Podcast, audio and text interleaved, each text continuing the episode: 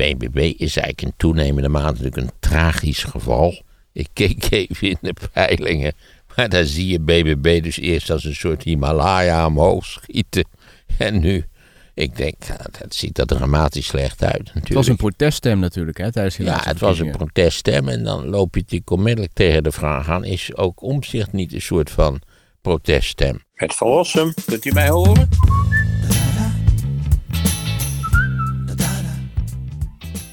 Ja, we zijn al vaker tegen ehm, de mooie beloftes van politieke partijen aangelopen. Uh, die vertellen uh, welke problemen ze gaan aanpakken. Maar geen enkele partij, en dat hebben we hier ook al in deze podcast vaak geconcludeerd, vertelt hoe ze dat gaan doen. Nou, je ziet dat daar nu ook aandacht voor is in de debatten. Fons Lambie die vroeg in het RTL-debat wel tien keer: hoe gaat u dat nou doen? En het Sociaal en Cultureel Planbureau heeft nu ook een rapport geschreven van ja, Mooie plannen allemaal, maar geen enkele partij vertelt hoe ze het gaan doen. Dus daarover gaan we het hebben in deze aflevering. We gaan het ook hebben over de BBB. En ook Pieter Omzicht natuurlijk kunnen we niet onbesproken laten. Juist. Kom ik door? Uh, luid en duidelijk. Luid en, loud en clear. Ja. Ja, zo'n mooie Engelse uitdrukking. Ja, we hadden het even voor. Ik zal even zeggen dat we, we staan onder bomen en het is heerlijk herfstweer. Dus uh, het regent. Dus voor de mensen die denken van wat hoor ik toch? Het is geen typemachine, want dat horen we wel eens. Het klinkt als een typemachine, maar het is het geluid van druppels op het dak van de auto. Ja, dat is toch een heel mooi Hollands geluid. Wat, wat wil je nou nog meer? Een beetje, beetje regen. Dat is het gekke natuurlijk wel altijd klagen over het Nederlandse klimaat. En eigenlijk zou je aan elke Nederlander een soort, soort bonus moeten geven. Zodat hij die bonus kan, kan gebruiken om enkele maanden in een ander klimaat door te brengen. Ik stel voor het Middenwesten van de Verenigde Staten, Canada, Centraal-Afrika, eventueel een trip naar Antarctica en dan piept u wel anders. Dan besef je pas dat het Nederlandse klimaat echt een zegen op aarde is. Niet al te koude winters, niet al te warme zomers. Af en toe een lekker windje, een beetje regen. Kortom, het is een, het is een ideale combinatie in feite. Maar er zijn mensen die worden boos, hè, omdat dat, uh, dat leidt af van jouw verhaal, die druppels op het dak. Nou, ik vind juist dat mijn verhalen een, een druppeltje wel kunnen gebruiken, toch? Het heeft wel een, een, geeft wel een gezellig accent. Ja, ja.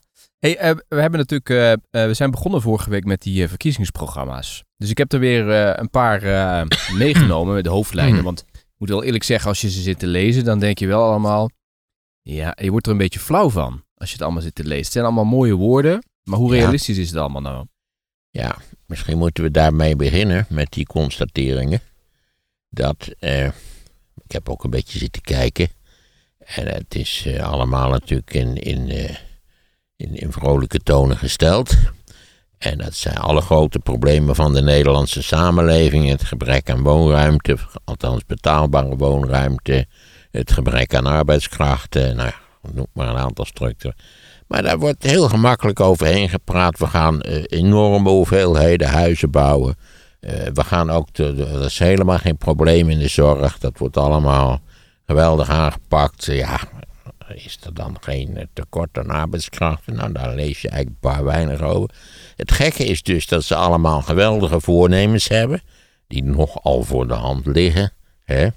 Dat, dat, ik begreep nu dat de kiezers het woonprobleem of het huizenprobleem eigenlijk probleem nummer één vinden. Wat ik mij best kan voorstellen, eerlijk gezegd. we weten dat we in de afgelopen jaren voortdurend niet waar glorieuze beloftes hebben gehad. Dat er honderdduizenden huizen zouden worden gebouwd misschien wel een miljoen. En dat er nooit iets, nou niets gebeurd is, wat sterk gesteld. Maar dat het volstrekt, volstrekt onvoldoende is, dat is zo klaar als een klontje. Dezelfde problemen gelden voor de arbeidsmarkt. We hebben al dat wonderlijke probleem besproken. Dat de arbeidsmigratie klaarblijkelijk eh, ook eh, afgestopt zal worden door, door de dames en heren. En ja, wat jij zegt, dat lijkt mij voorkomen juist. Dat je steeds denkt van ja, tuurlijk, wie, wie is daar nou tegen? Iedereen is daar wel voor. Maar hoe gaan de dames en heren dat doen? En wat blijkt dan eigenlijk? Dat dat de kiezers niet zo bijster veel kan schelen. Dat ze eigenlijk eh, helemaal niet precies begrijpen wat de structurele problemen zijn en hoe je die eventueel zou kunnen oplossen. Ik zwijg nog van een zo algemeen en complex probleem als de, de laten we zeggen, de de, nieuwe, het nieuwe sociale contract en de andere manier waarop we het land gaan besturen. Want dat blijft natuurlijk zo vaag als wat. En ook daar blijkt natuurlijk, daar hadden we het al over. Het gaat om persoon, het gaat de kiezers om personen. Het gaat ze helemaal niet om programma's, joh. Hoeveel kiezers gaan nou thuis die programma's zitten bekijken? Daar geloof ik echt helemaal niks van. Nou, Baudet had het hier nog over. Die zei van, dit is inderdaad een feit. Ze kiezen voor Jette, ze kiezen voor Baudet, ze kiezen voor Wilders of voor al die anderen. We moeten per uh, onderwerp moeten we eigenlijk aparte verkiezingen houden. Referenda, daar is zij een groot voorstander van. Ja, daar ben ik een vervente tegenstander van, zoals je weet. Want bij referenda gelden precies diezelfde problemen als die we nu net al hebben eh, opgezomd. In feite dat de meeste mensen die in referenda stemmen slecht of helemaal niet op de hoogte zijn van datgene wat er, waar het in het referendum over gaat. Uh, referenda hebben een high negativity bias, zoals dat zo treffend heet. Dat betekent dat mensen graag eens even tegenstemmen. Net goed, hè? even de geheven vinger, klerenleiers allemaal. Dat. Zie de BBB? Ja. ja, BBB is eigenlijk in toenemende mate natuurlijk een tragisch geval. Ik keek even in de peilingen, maar daar zie je BBB dus eerst als een soort Himalaya omhoog schieten. En nu ik denk, het ziet er dramatisch slecht uit natuurlijk. Het was een proteststem natuurlijk, hè, tijdens die Ja, het was een proteststem en dan loop je natuurlijk onmiddellijk tegen de vraag aan... is ook omzicht niet een soort van proteststem? Alleen kennelijk op dit moment... Ja, nou ja, we, komen toch terug op het verhaal van de verlossers. Eh, mensen zijn naar mijn gevoel helemaal niet bijster... Nou niet zodanig geïnteresseerd dat ze de structurele problemen waar Nederland mee worstelt... die allemaal natuurlijk van langere tijd zijn. Dat is niet vorige week ontstaan of zo.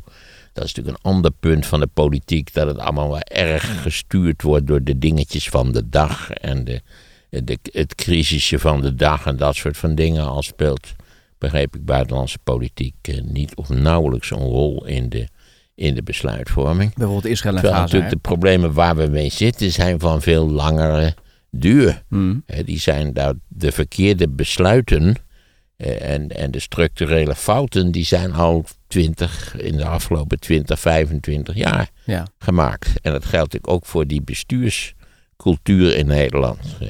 Hoe ga je dat veranderen? Dat heeft Omzicht bij mij weten nergens helder uitgelegd.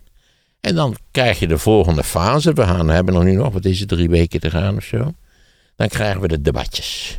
ja, die zijn nu begonnen. Ja, we krijgen de debatjes. Een radiodebatje voor de kleintjes, begreep ik. En, nee, nee, daar was iedereen bij. Behalve oh. Omzicht, die moest in een kerk in Deventer wat ah, vertellen. gelijk heeft hij. Hij kan veel beter een lezing gaan houden in een kerk in Deventer... dan aan die stomme debatjes deelnemen. Omdat die debatjes nog eens nader onderstrepen... dat die rare illusie dat die mensen zelf individueel enorm belangrijk zijn. Maar dat zijn ze eigenlijk niet. Zelfs Omzicht niet. Je ziet ook hoe snel, niet waar, zo iemand die een verpletterende indruk maakt, die een spectaculaire verkiezingsoverwinning behaalt bij de provinciale staten in casu mevrouw van der Plas, als een pudding in elkaar kan zakken. je, hebt dat, je hebt van die gerechten die als je het in de oven niet goed doet, dan eerst reizen ze geweldig en dan ploffen ze totaal in elkaar. Dat is zij eigenlijk. Een... Maar toen was omzichter natuurlijk nog niet, hè? Toen zij. Uh... Precies. En daar zie je dus dat het steeds weer opnieuw het verlossersprobleem is. Steeds weer opnieuw denkt een niet onaanzienlijk deel van het Nederlandse electoraat: dit, dit is de vrouw, dit is de man. Nu, dit, dit, hij gaat ons redden. Hij gaat ons uit onze benauwenis redden. We begrijpen er allemaal geen best van. Het zijn allemaal oplichters, er klopt allemaal niks van. Maar dit is de man. Of vrouw. We hebben nou dus ook een vrouw gehad. En we ooit hebben een tijdje Rita Verdonk gehad. Dus vrouwen, dat kan ook. We hebben nog geen kleuters en bejaarden gehad, maar dat komt misschien nog wel. Als Drees uit de doden zou kunnen opstaan, dan wil ik wedden dat hij onmiddellijk 90% van de stemmen in Nederland zou krijgen. Terwijl het toch een sociaaldemocraat was. Ja, dus het, het is volgens mij wat voor prachtprogramma Omzicht ook verzonnen heeft. Eh, A, het kan zijn kiezers niet zo heel veel schelen, hadden we geconstateerd. Eh, en B, dan is nog de volgende vraag: eh, wordt dat gerealiseerd? Hoe, hoe gaan we dat precies doen? Want dat is natuurlijk een, een, heel, een heel vreemde zaak. Dat, dat omzicht is in feite een centrumfiguur. Maar de, het zal erom hangen na de verkiezingen en, en, na de formatie. Laten ze ook met die formatie ook eens een beetje opschieten en niet zo'n belachelijke vertoning ervan maken als de vorige keer, die formatie. Dat was ronduit schandelijk, naar mijn idee.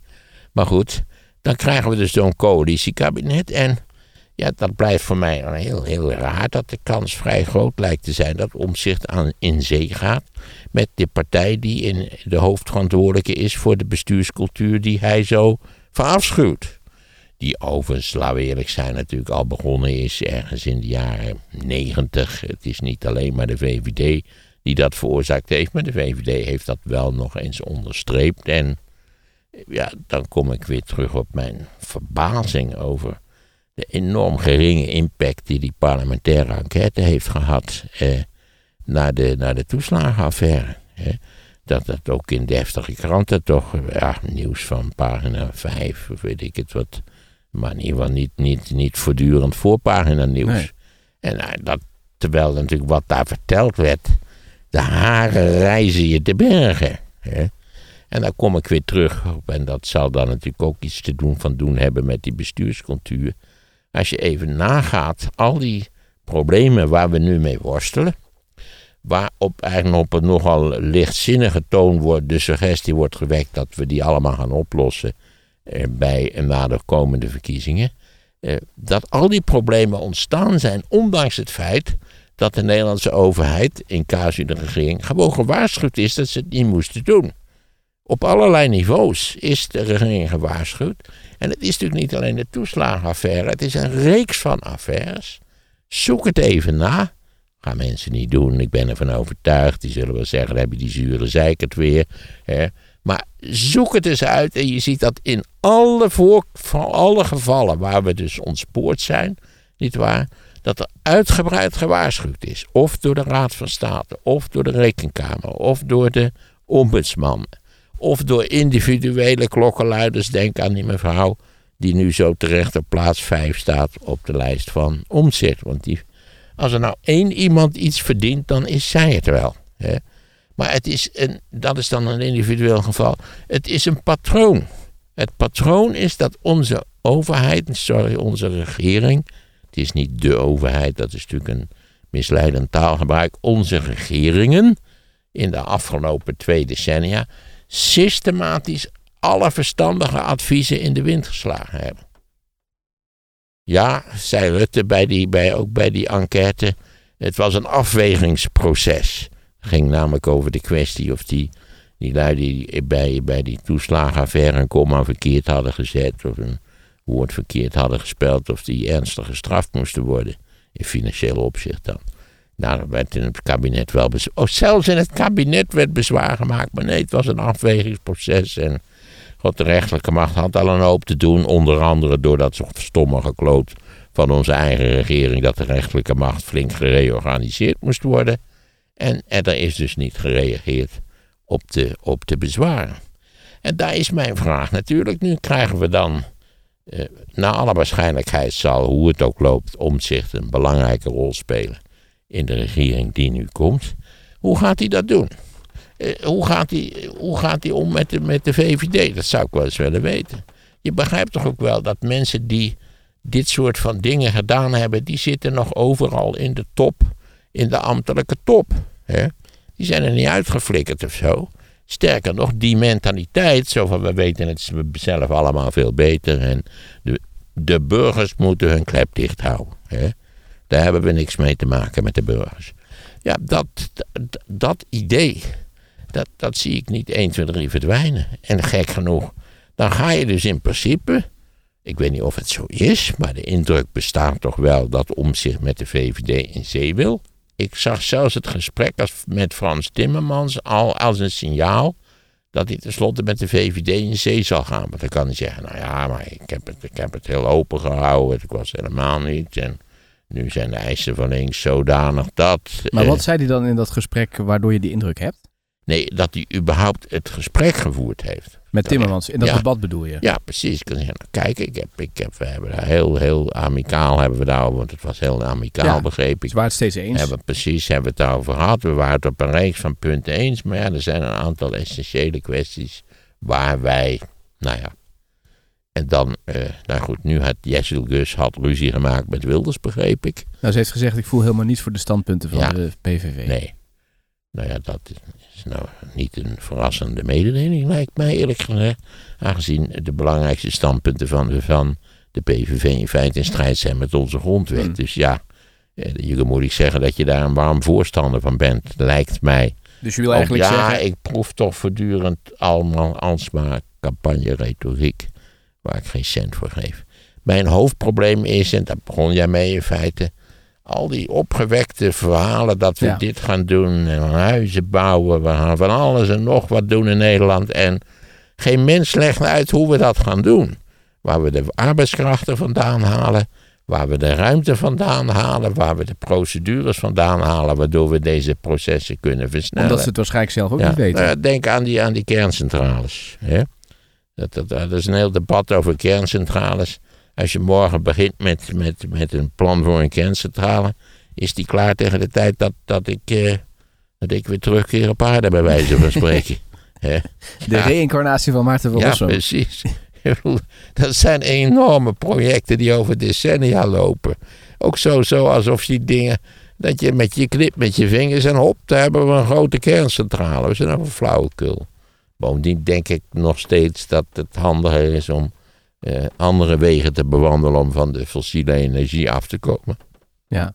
Maar goed, jij kunt wel zeggen ze willen met de VVD, maar dan moeten dan nog, toch nog partijen bij. Want als we eens even snel rekenen, nou, beide komen uit op eh, Zeker. zekertje 28, 30 misschien. Ja, maar misschien, eh, als je nou, je gaat natuurlijk samen dan een strak immigratiebeleid voeren, of in ieder geval je zegt dat je dat gaat voeren, want dat is ook zoiets. Hoe, hoe gaan we die mensen tegenhouden eigenlijk? Hoe, hoe moet ik mij dat voorstellen?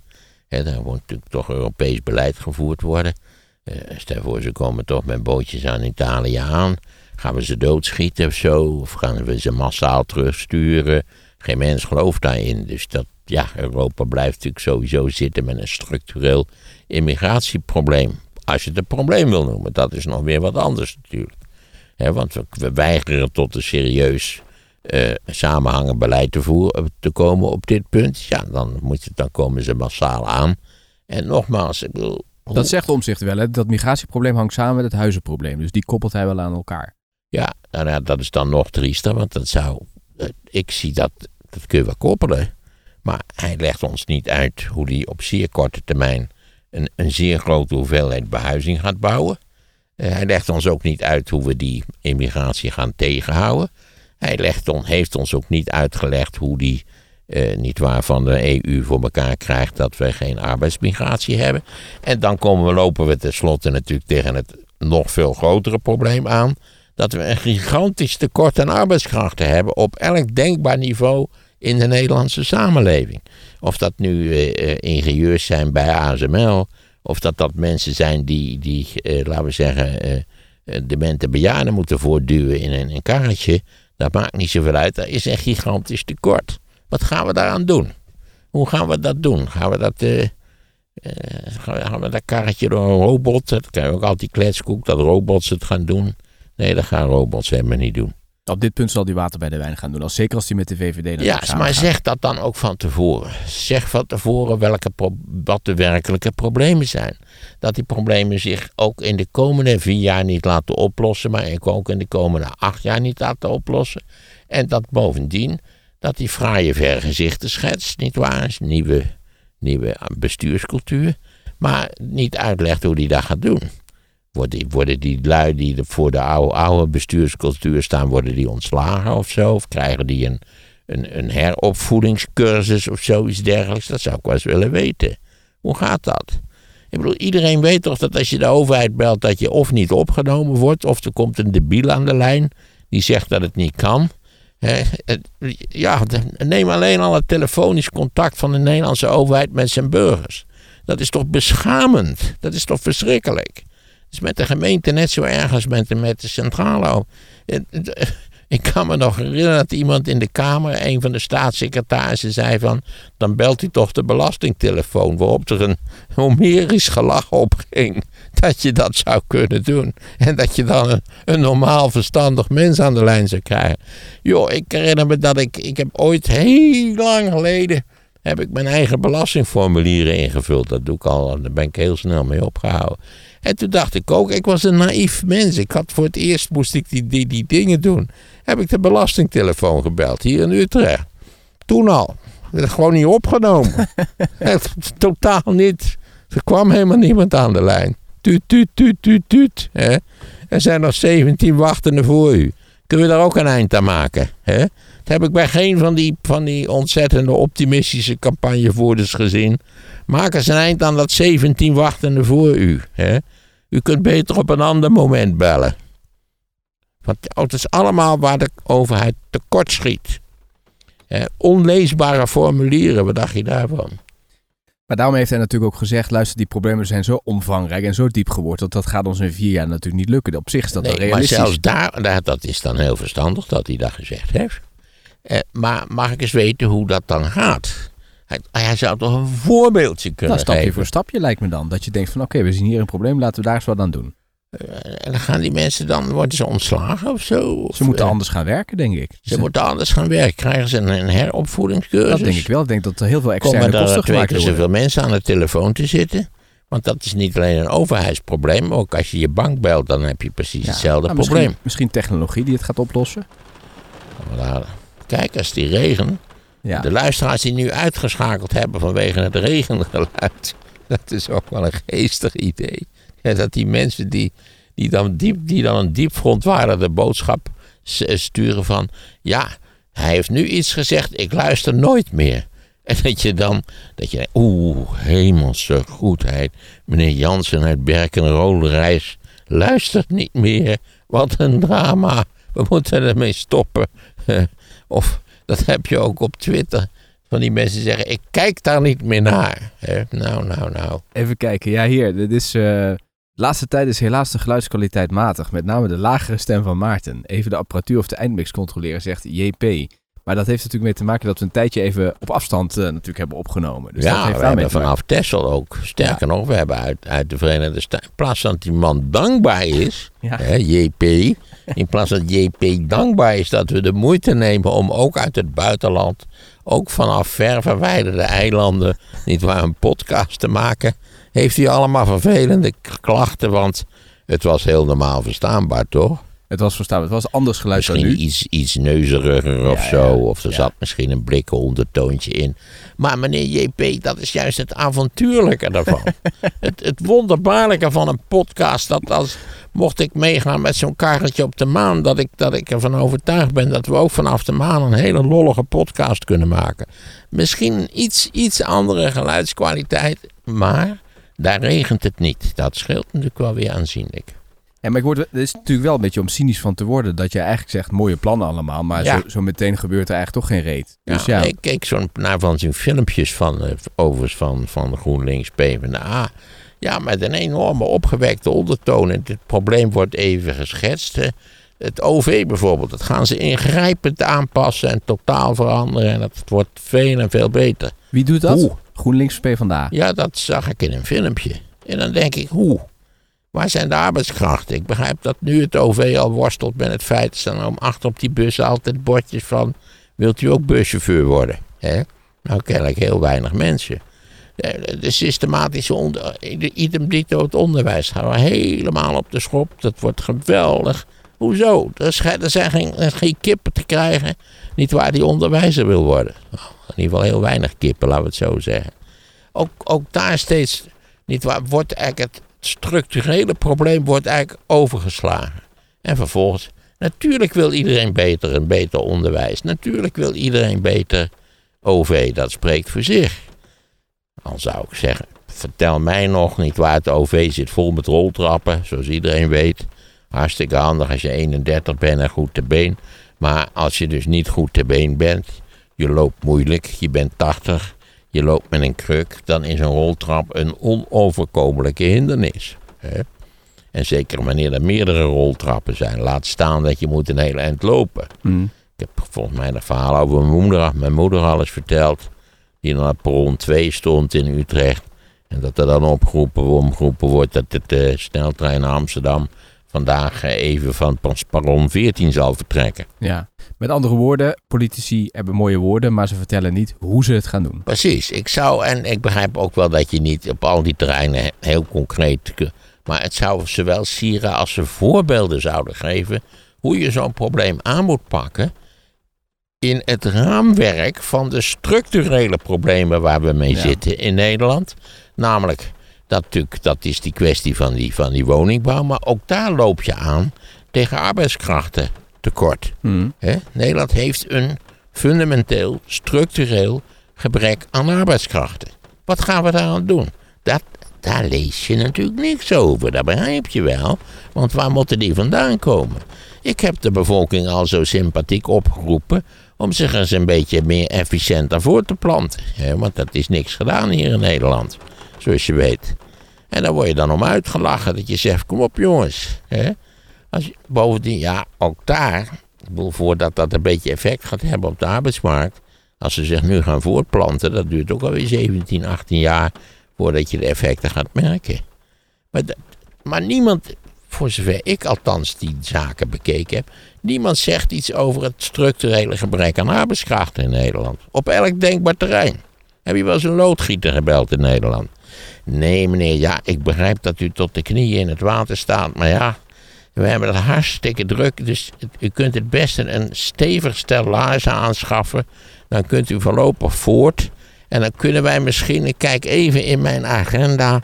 Ik denk, nou, dat wordt denk ik de eerste week van februari. Ja, dat is de werkelijkheid, toch? Zeker. En dat geldt voor, voor praktisch alles in Nederland, dat het de eerste week van februari wordt. Ook bij medische behandelingen moet je, moet je vaak langdurig wachten. Ik ben bang dat de politici ook niet weten hoe ze het aan moeten pakken, omdat ze Nee. het systeem onvoldoende Maar het kennen. zou fijn zijn als ze dat ook zouden zeggen. En dat ook die, die enorm opgewekte toon dat als zij gaan regeren alles beter wordt. En de kiezers geloven dat. Eerst geloofden ze aan mevrouw Van der Plas. Nou ja, goed, ik zal die hele vervelende opsomming zal ik bij deze gelegenheid even weglaten. Maar het is zo klaar als een klontje dat ze nu van omzicht weer denken. Omzicht, dat is de man. Hè? Als je hem ook ziet lopen, zie je ook al dat, dat, dat hij langzaam een aureool heeft gekregen. Hè? Dat, hij, dat, hij, dat hij ontstegen is aan, aan wat in feite de normale politieke en maatschappelijke werkelijkheid Maar het is. verschil tussen Van der Plas en Omzicht is natuurlijk wel dat hij die dossiers goed kent. En dat hij zich ook Dat daarin- is waar. Ik begreep dat, dat mevrouw van der Plas ook bij interviews zelf even moet kijken wat er eigenlijk in de programma Nou, ze staat. zei tegen Henk, haar medewerker, google eens eventjes wat die cijfers zijn. Dat was in een interview met de Telegraaf. Ja, nou ja, dat vind ik dan ook op zichzelf wel weer geestig en aandoenlijk. dat ze er ook niet omheen draait, dat ze het ook niet weet. Dat is Maar- ook zo opgeschreven. Maar mevrouw van der Plas is wel weer het schoolvoorbeeld wat er met die verlossers gebeurt. Namelijk, ja, zo gewonnen, zo gewonnen. Ik bedoel, het schiet omhoog. Ze was de grootste partij. Wat een feest bij de provinciale statenverkiezingen. Uniek. Ze had in alle provincies, had ze, eh, voor, voor, voor zover ik me herinner, gewonnen. Zelfs in Utrecht tenslotte, waar ze niet in het college zijn gekomen. En het stort totaal in binnen binnen een jaar. Dat is toch. eh, Moeten we ons ook niet een klein beetje afvragen. Wat zijn dit voor rare. Niet waar, toch, toch enorm sterk door emoties en eh, gedreven verschijnselen. Wat is er mis met dat deel van het electoraat? Wat is bereid is om elke, elke drie kwart jaar weer een nieuwe verlosser. Verlosseres, hoe, moet je hoe zou dat heten? Vrouwelijke verlosser, verlosserin. Nou ja, ik weet het eigenlijk niet precies. Het zou wel weer ook unisex zijn tegenwoordig. Ja, dat, dat is toch. Kijk, aan de ene kant amuseert het mij natuurlijk wel dat mevrouw van der Plas ook weer totaal is ingestort. ja, dat voorspelt al eigenlijk. Ja, hè. precies. Dat, dat dus je natuurlijk- krijgt een beetje je gelijk nu. Ja, niets is zo fijn. Als op, al ga- krijg je maar een beetje gelijk. Dat is al zo ontzettend fijn. En je voelt toch wel dat bij, bij de, de verwachtingen die door een deel van het electoraat, een wat ouder deel van het electoraat vooral geprojecteerd worden op omzicht, dat dat natuurlijk niet in de verste vet niet, niet waargemaakt kan worden. hij moet Omdat natuurlijk wel een structurele gegevens, die blijven gewoon hetzelfde. Ja, maar dat is bij de andere, andere politici ook zo. Dus hij moet wel de, Zonder meer. hij moet wel de kans Zonder krijgen. meer, maar hij is de verlosser van het moment. Ik geloof eigenlijk niemand dat. Denken mensen dat Frans Timmermans de verlosser is? Het is duidelijk natuurlijk dat, dat Omzicht de verlosser is van dit moment. En dat we met een verlossersprobleem zitten. Ja, maar je kunt ook zeggen, je zilver staat ook even hoog. Dus mensen hebben ook wel behoefte Nou, aan... dat, is op, dat vind ik opmerkelijk, omdat je, je Zilgus natuurlijk helemaal geen verlosser is, of verlosserin is. En dat dat feitelijk te danken is, klein, kennelijk, aan, de solide wortels die de VVD heeft. Dat, anders kun je het niet zeggen. Ik betreur dat in hoge mate. Ik zou zeggen, kijkt u, mocht u toch eens even denken, laat ik VVD stemmen. Kijkt u nog even naar Henk Kamp bij de enquête naar de toeslagen. Dat is toch wel een vrij ingrijpend leermomentje, denk ik, voor iedereen die de VVD een goed hart toedraagt. Maar Henk, Henk Kamp is nu weg. Die speelt geen rol meer in de Nee, maar ik denk wel toch dat dat uh, indicatief is geweest voor de mentaliteit in de top van de VVD. Maar Jezilkes is natuurlijk een nieuwe persoon. Uh, mensen hebben ook behoefte aan een vrouwelijke leider. Dat, dat zit natuurlijk ook daarin. Dat is om zich... Zou dat zo zijn? Ik denk, ja, ik denk dat bij de NAVO zeiden ze ook, het is tijd voor een vrouw een keer. Dat geldt natuurlijk op landsniveau ook zo. Zeker als je het bij bedrijven hebt over allemaal vrouwelijke leiders. Ik vind het verder best. Ik zit er verder helemaal niet mee. Uh, dat zal ik er direct bij zeggen. Dus ik, nogmaals, ik, het mag van mij. Maar het, het gaat om uh, nu in dit gesprek over het vertrouwen wat mensen hebben in specifieke personen. En dat dat in Nederland wel iets, iets ziekelijks heeft. Hè? Dit is nu de zoveelste keer dat ons dat overkomt. En dit is de zoveelste keer dat gouden bergen worden verwacht van een persoon die die gouden bergen niet kan bieden. Die misschien zijn aller, allerbest een aanzet kan geven, niet waar, in de richting van een wat ander landsbestuur. Maar ik heb al eens eerder uitgelegd, ik bedoel, er zitten tienduizenden ambtenaren en die hebben in de afgelopen decennia ook een bepaalde routine opgebouwd. En ja, die verdwijnen morgen niet. Nee, maar die kun je wel anders aansturen. Met andere eh, voorschriften. Ja, dat, je kunt ze anders aansturen. Of ze dan ook doen wat jij hoopt dat ze gaan doen. Als je zo leest wat ze allemaal zeggen, ook met dat belastingverhaal. Als je achter de schermen leest en zegt, ja, dit was onze opdracht. Dus ja, daar houden we ons aan. Daar is ook veel mis, naar mijn idee. Want ik krijg in het ene moment krijg ik een brief dat ik uh, onmiddellijk 30.000 reeds moet gaan, ook zo raar, moet betalen over het jaar 2023. Daar eh, is, heeft nooit, hebben mensen zich nooit eens afgevraagd hoe raar het is dat je eigenlijk al op vrij, vrij brutale toon wordt aangesproken over belastingbetaling, over inkomen wat je nog helemaal niet genoten hebt. Dat is toch een beetje raar, of niet? Geheel op basis van de verwachtingen van het vorige jaar. Maar goed, zo'n brief krijg ik dan. Die door ervaring wijs geworden, laat ik die rustig liggen. En dan na twee weken komt er een hele andere brief. En daar staat in dat ik per maand eh, die, die bedragen moet betalen. Dus dat doe ik dan maar. maar dan denk ik, wat, is dat, wat is er voor administratie die mij dus de, eh, op, op moment A. Eh, op die bekende toon die ze ook altijd aanslaan. Hè? Dat van ja, pas erop. Als je niet betaalt, schiet je weer dood. Die toon. en dan, je doet er verder niks aan. Er wordt ook niet op, op, op gereageerd. En dan op moment A plus twee weken krijg je dus een hele andere brief met een hele andere eis. Dat, daar moet toch iets helemaal mis zijn. Bij dat, gaat toch allemaal automatisch via dat systeem daar? Nou ja, dan moet er in die computer toch ergens wel een draadje zijn Maar dat is het oude systeem, wat al uh, vanuit de jaren negentig, toen was het helemaal hot and happening. En nu is dat natuurlijk uh, compleet ja, achterhaald. Ja, ik vind het aan de ene kant vermakelijk. Maar het wijst wel op een, een vrij gebrekkige toestand ja. uh, daar waar de Waar de, waar de computers worden aangestuurd. Ja, maar je bedoelde eigenlijk meer op de toeslagenaffaire. Want dat hoorde je ook in die verhoor. Dat die ambtenaren daar aan het woord kwamen. En die zeiden, ja, we hebben wel tegengesputterd. Maar op een gegeven moment was dit onze opdracht. En hebben we dat maar uitgevoerd. Ja, dat vind ik gek. Want als het gaat over Duitsers in de oorlog. Dan vinden we het schandelijk dat ze bevel is bevel zeggen. En dat ze dat gedaan hebben. Heel erg schandelijk. Geeft toe, het zijn totaal andere situaties.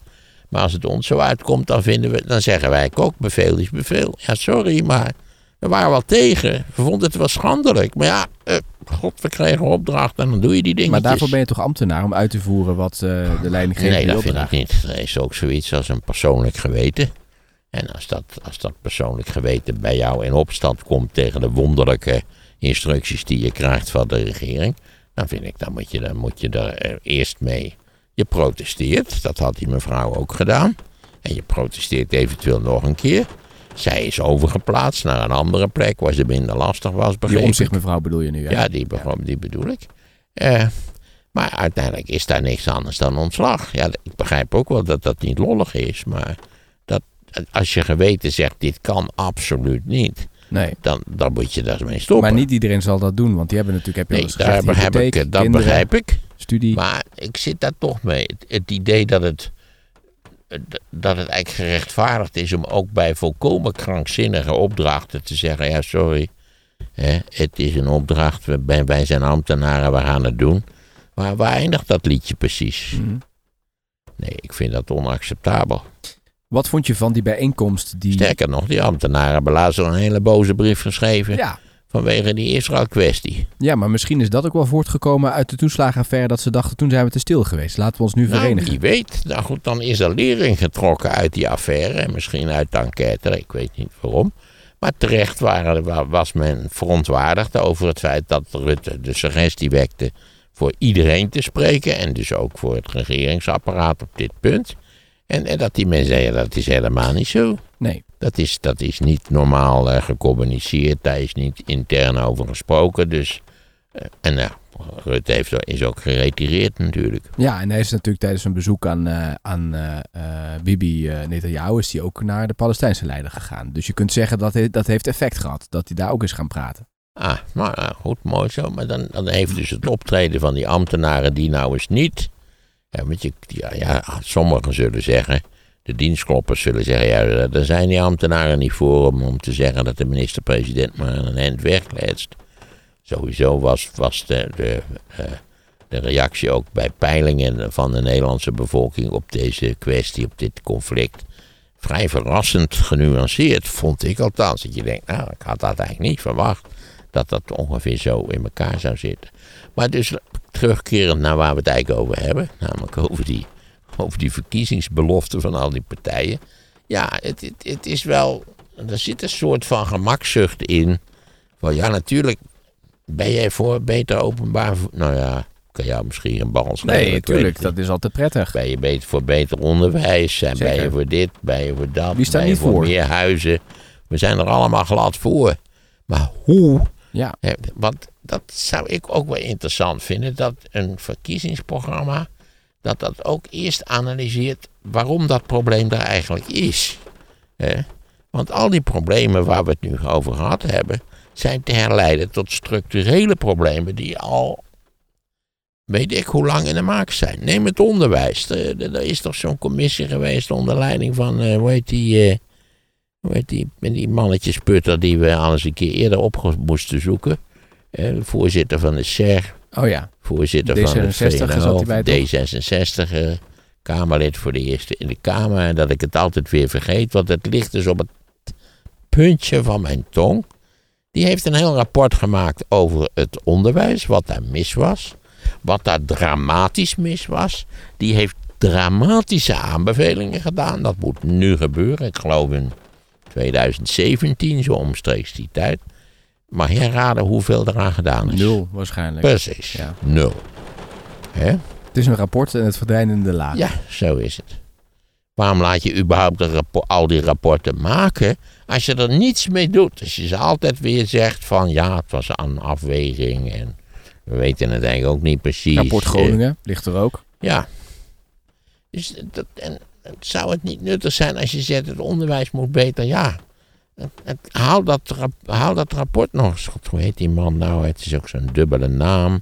Het irriteert me geweldig dat ik zo, misschien door ouderdom toch... De Ik ben het ook weer vergeten hoor. We hebben Oh. het inderdaad toen opgezocht hier, maar ik ben het ook weer kwijt. Nou goed, iedereen weet waarschijnlijk, want ik zei, ik noemde hem in verband met het feit dat het een van de beste sprekers is, Ja. Nederlandse sprekers is die ik ooit aan het werk heb gehoord. Klopt. En we hebben helemaal geen retorische traditie natuurlijk in Nederland, echt 0,0. Want ook van de politieke leiders, daar zijn, is toch ook geen enkele goede spreker bij.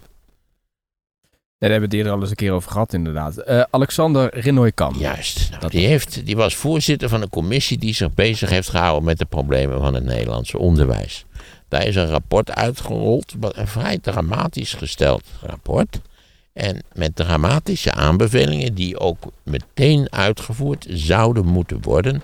En daar is dus, het is net. En je raadt het werkelijk hoe het mogelijk is, begrijp je niet. Er is niets mee gedaan. Niets. Dat is toch een opmerkelijke zaak. En dat is natuurlijk niet de eerste keer. We hebben een hele reeks van deze rapporten. Ook problemen die aangekaart worden door, door het CBS of door de, het Sociaal Cultureel Planbureau. Het, het, Het bestaat allemaal. Er bestaat dus een omvangrijk, zeer deskundig advieswezen. Al die zaken worden door de overheid genegeerd. Nee, sorry, niet de overheid, de regering. Ik moet niet regering en overheid eh, door elkaar heen halen. Nou, in de volgende aflevering gaan wij het partijprogramma van de PVV nader bestuderen en analyseren. En je kunt nu doorpraten op WhatsApp en op Telegram, want daar zijn speciale verkiezingsgroepen ingericht waar je met luisteraars kunt doorpraten over deze aflevering en alle actuele gebeurtenissen rondom de verkiezingen. Via de link in de show notes kom je bij die groepen uit. JP, in plaats dat JP dankbaar is dat we de moeite nemen om ook uit het buitenland, ook vanaf ver verwijderde eilanden, niet waar een podcast te maken heeft hij allemaal vervelende klachten. Ga lekker naar huis koken, veel beter. Twee weken geleden is de LPF op de fles gegaan. Althans hier. Verder is het al wel iets eh, langer geleden. Het populisme door de ogen van Maarten van Rossum. En natuurlijk het, het echec van de LPF creëerde eigenlijk opnieuw ruimte ter rechterzijde van het Nederlandse politieke spectrum. En de vraag was toen eigenlijk wie gaat die ruimte opvullen? Download het luisterboek via de link in de beschrijving. En Wouter Kolk, de baas van Albert Heijn, vertelt hoe de supermarkt van de toekomst eruit ziet. Dat hoor je in de podcast Sea Level via de link in de show notes.